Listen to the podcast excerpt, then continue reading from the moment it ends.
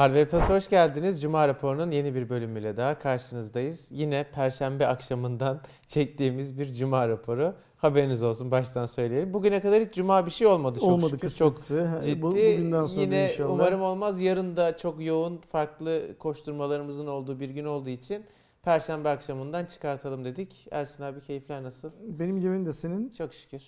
Ee, videoya başlamadan önce bir şeyler söylemek istiyorum yine arkadaşlara. Arkadaşlar e, HVP... yo falan desem Nasıl? Yo falan desem. Söyleyemezsin. Hayır falan diye haberlere o geçiyor. zaman haberlere geçelim. Yok yok buyur abi. Şey, e, hvp.com.tr için arkadaşlar editör arayışımız devam ediyor. E, Freelance İngiliz- olarak dışarıdan freelance evinden editör yazacak. arayışımız devam ediyor. İngilizce bilen, e, teknolojiye meraklı, zaten hala hazırda takip eden ve e, Türkçesinin iyi olduğunu düşündüğü yani yazarak Tercihen bir daha önce haber yazma deneyimi olan yani çünkü şöyle oluyor ya ben yaparım deniyor ama olmuyor. Bizim de yetiştirmek için çok şeyimiz yok. Efor sarf edecek vaktimiz yok. Hı hı. O nedenle daha önce deneyimi olan bu işi gerçekten yapabilecek insanlar Web önceliğimiz. sitesinin gelirleriyle doğru orantılı olarak orada ayırdığımız bir para da var. Ve benim bildiğim kadarıyla şu anda da hali hazırda yazan arkadaşlarımızın tamamı Evet, yazdıkları haber karşılığında bir para kazanıyorlar. Ve her ay bazen benim tembelliğimden biraz gecikse de 3 gün 5 gün filan Yani hesaplarına standart, parası evet, yatıyor düzenli olarak. Yani e, bunu mesleğe giriş olarak değerlendirebilirsiniz. Ek gelir olarak Ee, değerlendirebilirsiniz. kafayı dağıtacak bir hobi olarak değerlendirebilirsiniz. Size biraz para kazandıran. Sadece ek gelir amacıyla yapabilirsiniz. Neyin ne olduğunu anlamak için sistemin içinde bulunmak açısından, sistem dediğim HVP sisteminin içinde bulunmak açısından yapabilirsiniz. Bizim böyle bir desteğe ihtiyacımız var. Amacımız web sitesinde daha kaliteli demeyeyim şu an kaliteliyle alakalı bir derdimiz yok bence de daha çok haber ve gerçekten haber olduğuna inandığımız daha çok içerik şey yapabilmek, verebilmek. O yüzden destek arayışındayız. Bize destek olmak isteyen arkadaşlar varsa kerem.tvp.com.tr mail adresinden lütfen. Kerem'le kontak kursunlar. Haberlerimize geçelim.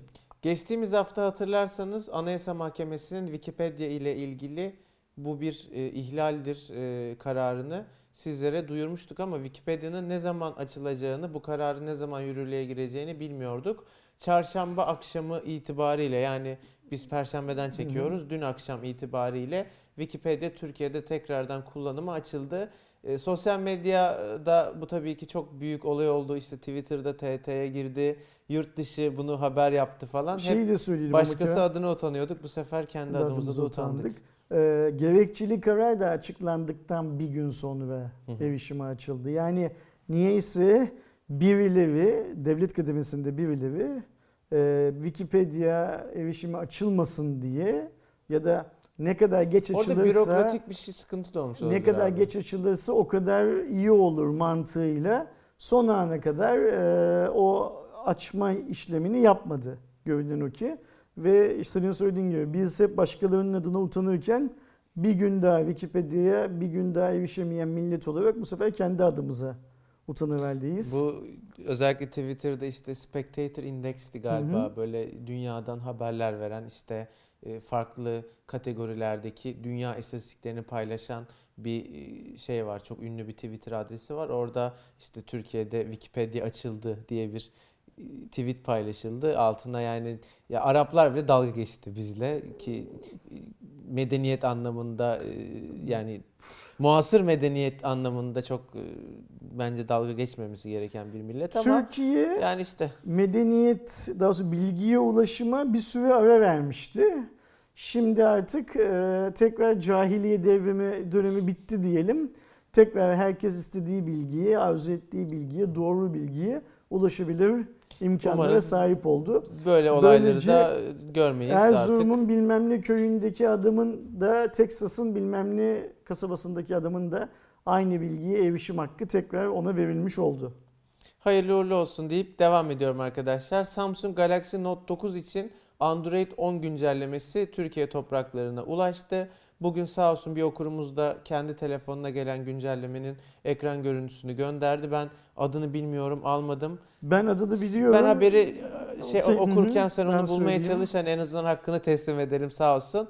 1.89 GB'lık bir boyutla geliyor arkadaşlar ve bu güncelleme telefona Android 10 tabanlı One UI 2.0 ara birimini de getiriyor. Bu One UI 2.0'da tahmin edebileceğiniz üzere hem iş, işlevsellik hem de tasarım anlamında birçok yenilik var. Tam ekran kaydırma hareketleri, gelişmiş tekelle kullanım modu, yeni biyometrik güvenlik özellikleri, yeni batarya kullanım grafiği gibi bizim web sitemizdeki haberde detaylı bir listesi bulunuyor. Bir sürü şey var, detay var. Benim önemli bir yenilik olarak gördüğüm eski amiral gemilerine laptop için Samsung DeX desteği de ekleniyor. Böylece bu DeX istasyonunu satın almadan sadece destekli kablo vasıtasıyla cihazınızı bilgisayara bağlayarak kullanabiliyorsunuz. Bu önemli. Bunu da belirteyim. Haberi bize gönderen arkadaşımızın adı da Ali, Alişan. Alişan daha önce e, Sony Xperia XZ1 kullanıyordu. Bizim tanışıklığımız oradan. Soyadı ne abi? Ee, soyadını bilmiyorum ne yazık ki. Adı Alişan. Ben biz WhatsApp'tan yazışıyoruz Alişan'la.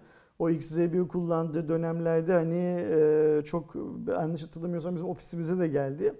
Bizim geçmişte de hem XZ1 için hem Note 9 için yaptığımız bazı birçok güncelleme haberinin de yine kaynağı şeydir. Alişan'dır. Sağ sağ olsun alır almaz bizi de hemen bilgilendiriyor. Bu sefer de öyle yaptı. Ona da teşekkür etmiş olalım. Note 9 kullanıcılarının da gözü aydın. Tabii şu anda güncelleme sonrası işte atıyorum pilde iyileşme mi var kötü biliyorsunuz. Her güncelleme sadece Samsung için değil Android ekosistemi hatta iOS'ta da öyle. Her güncelleme bir saatli bomba telefonu çok iyileştirebildiği gibi e, kötüleştirebiliyor. E, forumlarda Note 9 gruplarında bir bakın yüklemeden önce. Eğer herkes memnunsa çok bir sürü yeni özellik geldiği için siz de geçersiniz.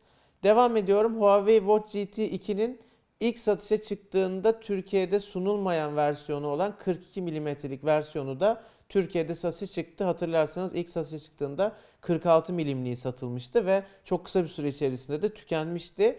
Öyle ki reklamları devam ediyordu orada burada Hı-hı. ama cihazı bulamıyordunuz. Çünkü e, kaç tane getirdiler bilmiyorum ama eldeki stoğu tüketmişlerdi. Şimdi 42 milimlik versiyonu aynı fiyattan satılıyor. 1599 ee, liraya pardon 1499 lira olması lazım. Ben buraya not, not almıştım da silinmiş. Ee, tahmin edebileceğiniz gibi daha küçük. Daha küçük olduğu için genellikle kadınlara daha uygun iletişimi yapılıyor ama olduğu varsayılıyor aslında diyelim. çok doğru bir tabir değil. Ya hem doğru hem de bir yandan çok kullanmaktan hı hı. hoşlandığım bir tabir değil. değil. Çünkü mesela bizim ofisimizdeki sevgili Kaan da 42 milim seviyor. Hem hani bileği de küçük hem gözüne de öyle Aynen hoş öyle. geliyor. O 42 milim kullanıyor. Samsung'un bir saatini kullanıyor. Şimdi önemli bir konu 42 milimde arkadaşlar batarya daha küçük olduğu için bir hafta pil ömrü sunuluyor. Hı hı. Ve 46 milimdeki telefon görüşmesi 42 milimde yok. Bence fiyatı daha uygun olmalıydı 42 milimin. Yani Aynı fiyattan çıkması hem pil, doğru hem değil bence. E, o telefonla konuşma özelliği olmayınca bence saat form değiştiriyor zaten. Artık evet. yani bu saati şimdi biz Galaxy Watch GT2 diyebiliyor muyuz? GT2'nin... Ya model bir sürü şey aynı eyvallah. Ama şimdi GT2'nin belirgin özelliklerinden birisi de telefonla evet, konuşmak yani, değil Daha düşük miydi? modeli gibi yani. Hah, yani. Yani GT2 40 yani 46 hmm, milimden 42 milime düştüğü zaman çok yaşa light mı diyeceğiz bunu? Şimdi mesela benim için bu işte bu saatteki senle pil videosu çektiğimizde hiç kullanmamıştım ama mesela onun sonrasında bana gelen telefonları evdeyken buradan cevaplama hikayesi Önemli çok bir şey kullanıyorum. Oldu, evet ben Şimdi dedim sana. Bunu abi. kolumdan çıkartıp onu taksam ve kullanamasam bu benim için çok şey e, ne derler sorunlu Ya da birçok insan için satın alma tercihi olabilir. Aynen yani. öyle. Şey konusunda sana hak veriyorum. Bununla aynı fiyat ya da işte bir önceki ya tabii 1200 olsaydı 1100 olsaydı Eyvallah. daha hakkaniyetli bir şey olurdu. Burada şöyle bir şey sizinliyorum Kerem ben işte hani standart esnaf mantığına yine bağlayacağız. Bu mal çok iyi gitti. Bu da tükendi. Gider. Peşinden de bunu da yiyelim onun Acaba, gazıyla. Acaba şimdi aklıma geliyor yurt dışında da aynı mı? Bilmiyorum anne olup olmadığını. Ee, bunu da peşinden dayayalım. Bu da gitsin gibi bir şey yapmış Huawei. Öyle e, şey yapıyorum.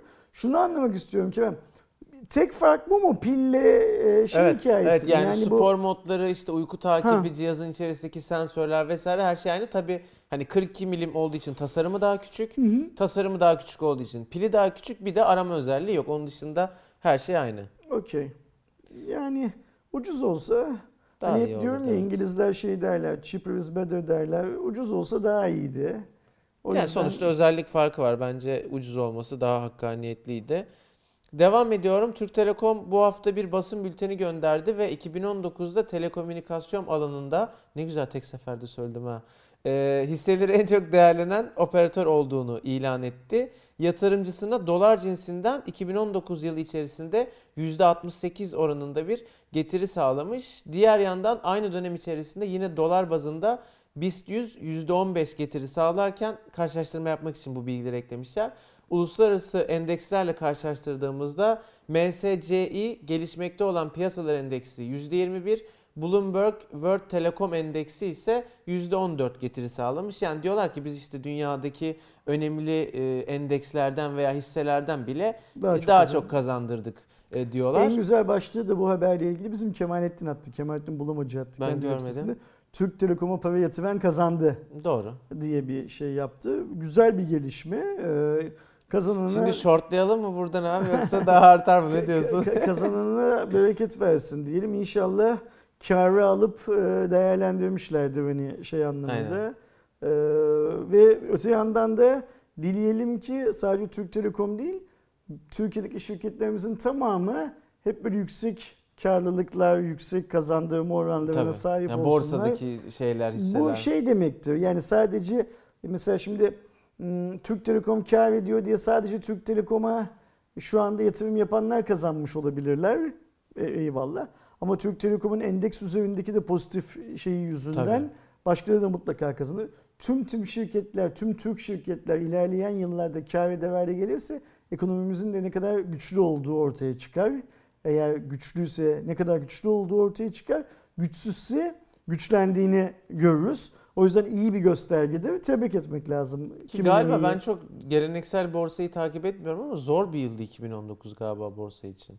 Yani şimdi ben şöyle düşünüyorum Kerem. Bu tarz büyük şirketler için ki borsaya açık olan şirketlerin tamamının büyük olduğunu varsayarım.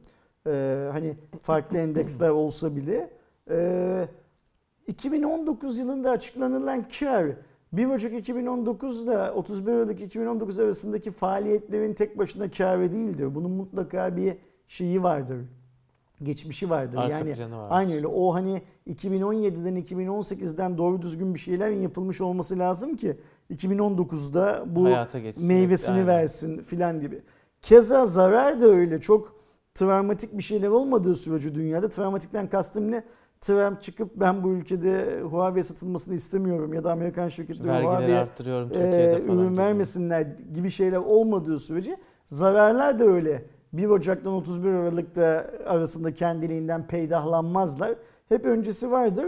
Burada da tahmin ediyorum ki işte Türk Telekom'un 4-5 yıldır doğru düzgün yaptığı bir şeylerin sonucu alınmıştır. Ya da öyle olsun isterim. Son olarak şundan da bahsedelim. Türk Telekom Finans Genel Müdür Yardımcısı Kaan Aktan, Türk Telekom olarak Türkiye'nin dijital dönüşümüne son 14 yılda 16.2 milyar dolar yatırım yaptık. Dijitalleşmenin ve 5G'nin olmazsa olmazı fiber altyapı ise son 10 yılda 10 kattan fazla arttırdık şeklinde konuyla ilgili bir e, demeci olmuş. Konuyla ilgisinin ne olduğunu ben anlamadım ama söylemiş kendisi. Yani biz işte yani. yapıyoruz bir şeyler. Çalışıyoruz demiş yani. E, tamam. Kısacası. Devam ediyorum. Yanlış hatırlamıyorsam yine geçen hafta veya bir önceki hafta konuştuğumuz Netflix'in 3. Türk Türkiye ile ilgili içeriği ilk de yerli belgeseli. Ottoman şey Rise of Empires Ottoman İstanbul'un fethini anlatan belgeseli e, yayına giriyor arkadaşlar ve ilk fragmanı yayınlandı. 24 Ocak 2020 itibariyle Netflix'te yayınlanacak.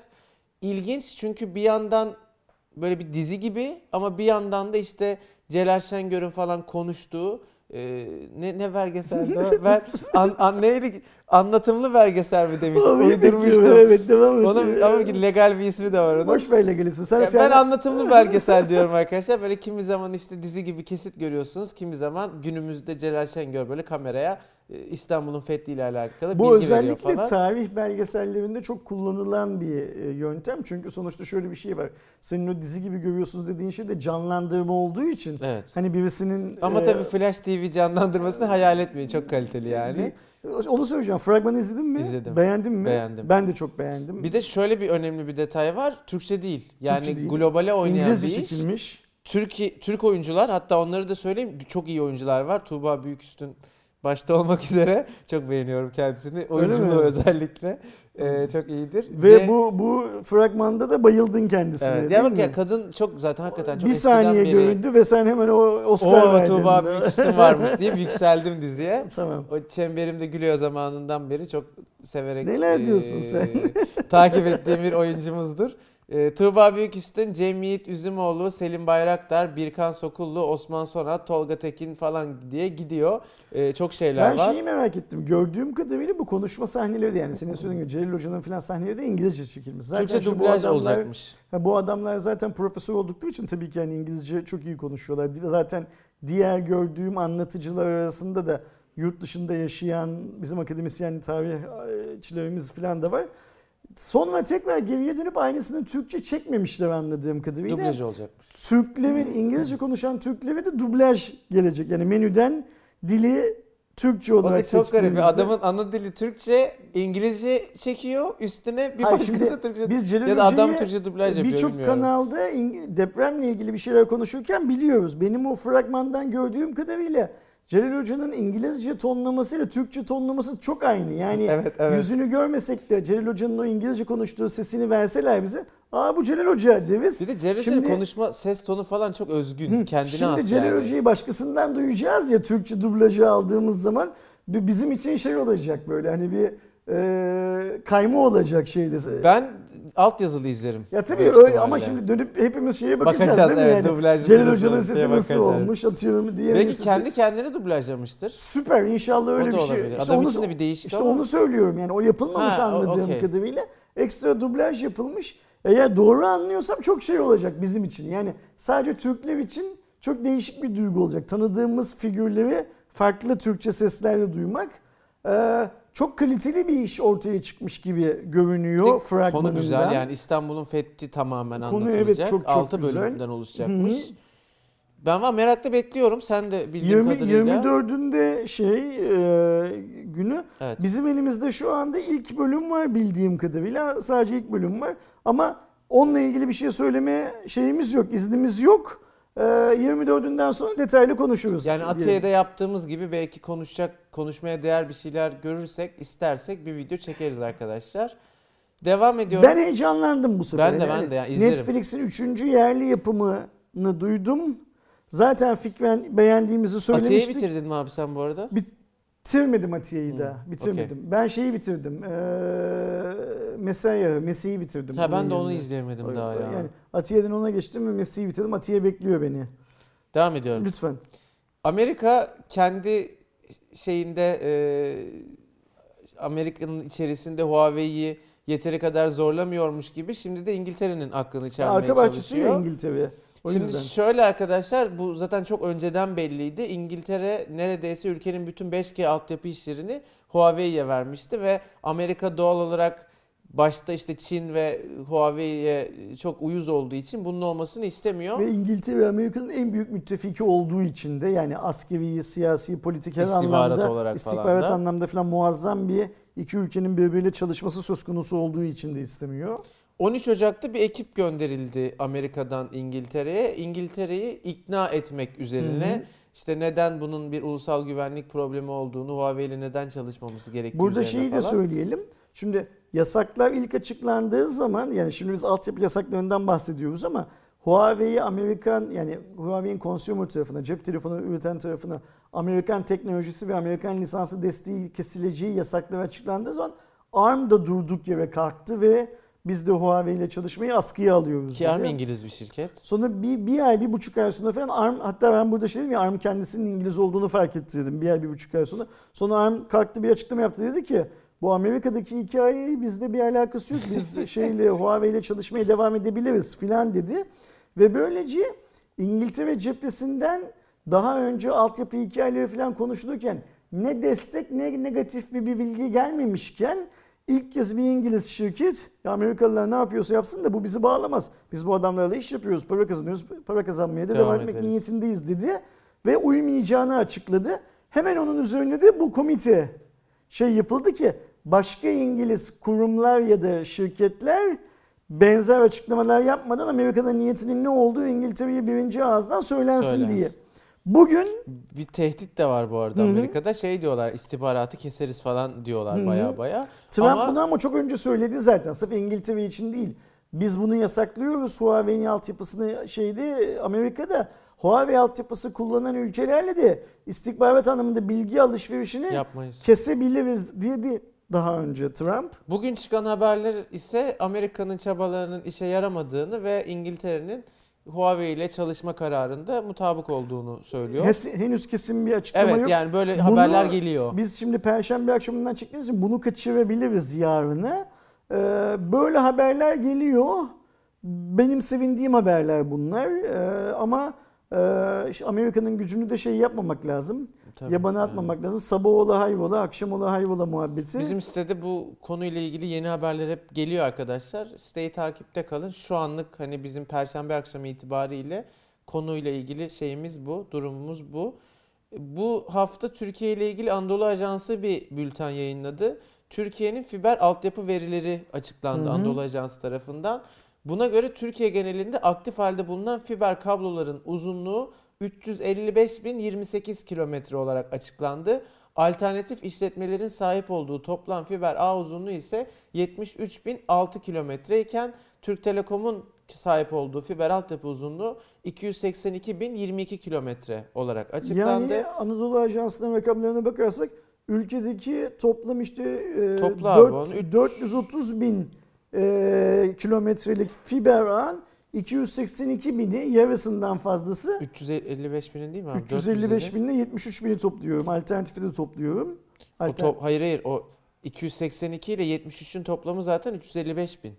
Yani bizde toplamda 355 bin var. Bunun 282'si ha öyle mi? Türk Telekom'un Okey, 73'ü tamam. alternatifin. Tamam. 355 bin 282'si neredeyse %80'i Evet, hepsi hemen hemen. tek başına Türk Telekom yani öyle mi? Okey, Geri tamam. kalan da işte herhalde Süper Online'ın Türknet'in falan da varmış çok az da olsa. çok az yani yüzde- Ama yani bu payda var hani yüzde bir sıfır virgül de olsa varlar.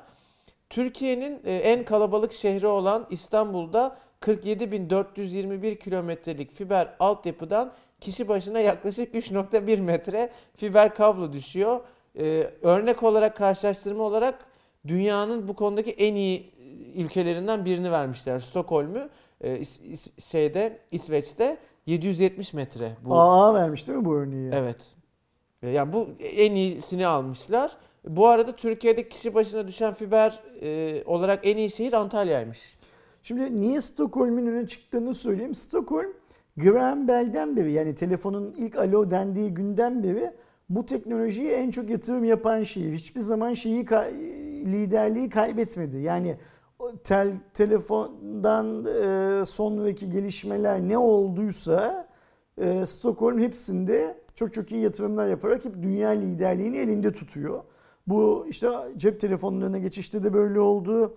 Fiberde de böyle. Normal ADSL altyapısında da böyle oldu. Onun fibere dönüşümünde de öyle oldu filan. Orada herhangi bir şey yok. Yani adamlar altyapıya çok çok iyi şey yapıyorlar. Önem Türkiye'nin veriyorlar. şehirlerine baktığımız zaman Antalya birinci kişi başına 4.6 metre fiber düşüyormuş. E, ondan sonra Konya geliyor ikinci 4.1 metre. Geri kalanlar da Adana, Kocaeli, Bursa, Antep ve Şanlıurfa olarak şehir şehir e, devam ediyor. Şimdi şeyi söyleyeyim. 25 Aralık'ta Türk Telekom CEO'su Ümit Bey bir değerlendirme toplantısı yapıp işte fiberle ilgili bir şeyler söylediğinden beri Türkiye'de çok daha fazla fiber konuşuyoruz her anlamda. Ee, biraz önce yine Türk Telekom haberiyle ilgili Türk Telekom'a parayı yatıran kazandı başlığını attığını söyleyeyim Kemalettin. btdünyası.net isimli kendi web sitesinde bu Türkiye'nin fiber dosyasını açıyorum diye 3 farklı yazı yani bir üçleme yayınladı. İşte oranlara, hızlara, kimin nasıl hizmete sahip olduğunu filan yazdı. Biz de bugün Kemalettin'i şu anda bizim ofiste misafir ediyoruz biliyorsun. Bu videodan önce, Önce, Kemalettin'le bir röportaj videosu çektik. Şöyle bir şey yaptık. Ee, Kemalettin orada teknik olarak birçok şeyi anlattı, tablolar oluşturdu filan filan. Burada güzel olan şey şu. 3 operatörden ya da BTK'dan Kemalettin'in yaptığı işe itiraz gelmedi henüz. E, Ve benim bildiğim kadarıyla bunu söylemek benim üstüme vazife bilmiyorum ama e, sektörün birçok paydaşından da Kemalettin'e teşekkür mesajları geldi.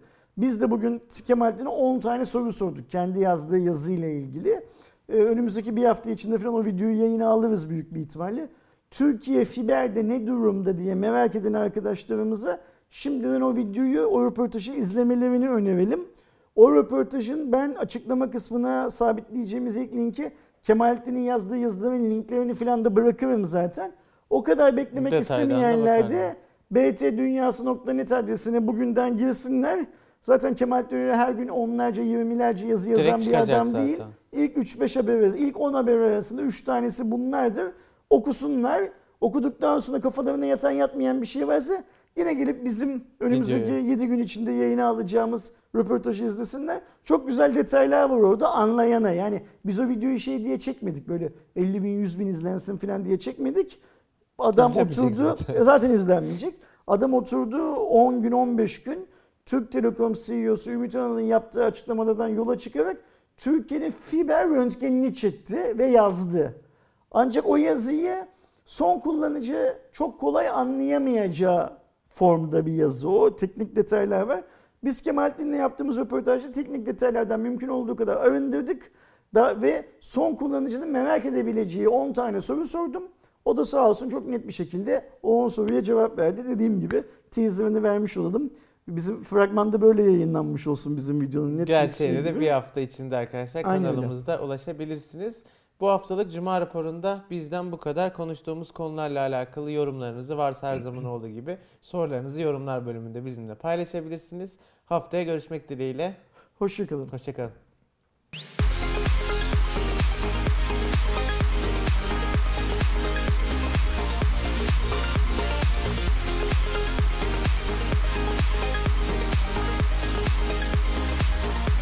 We'll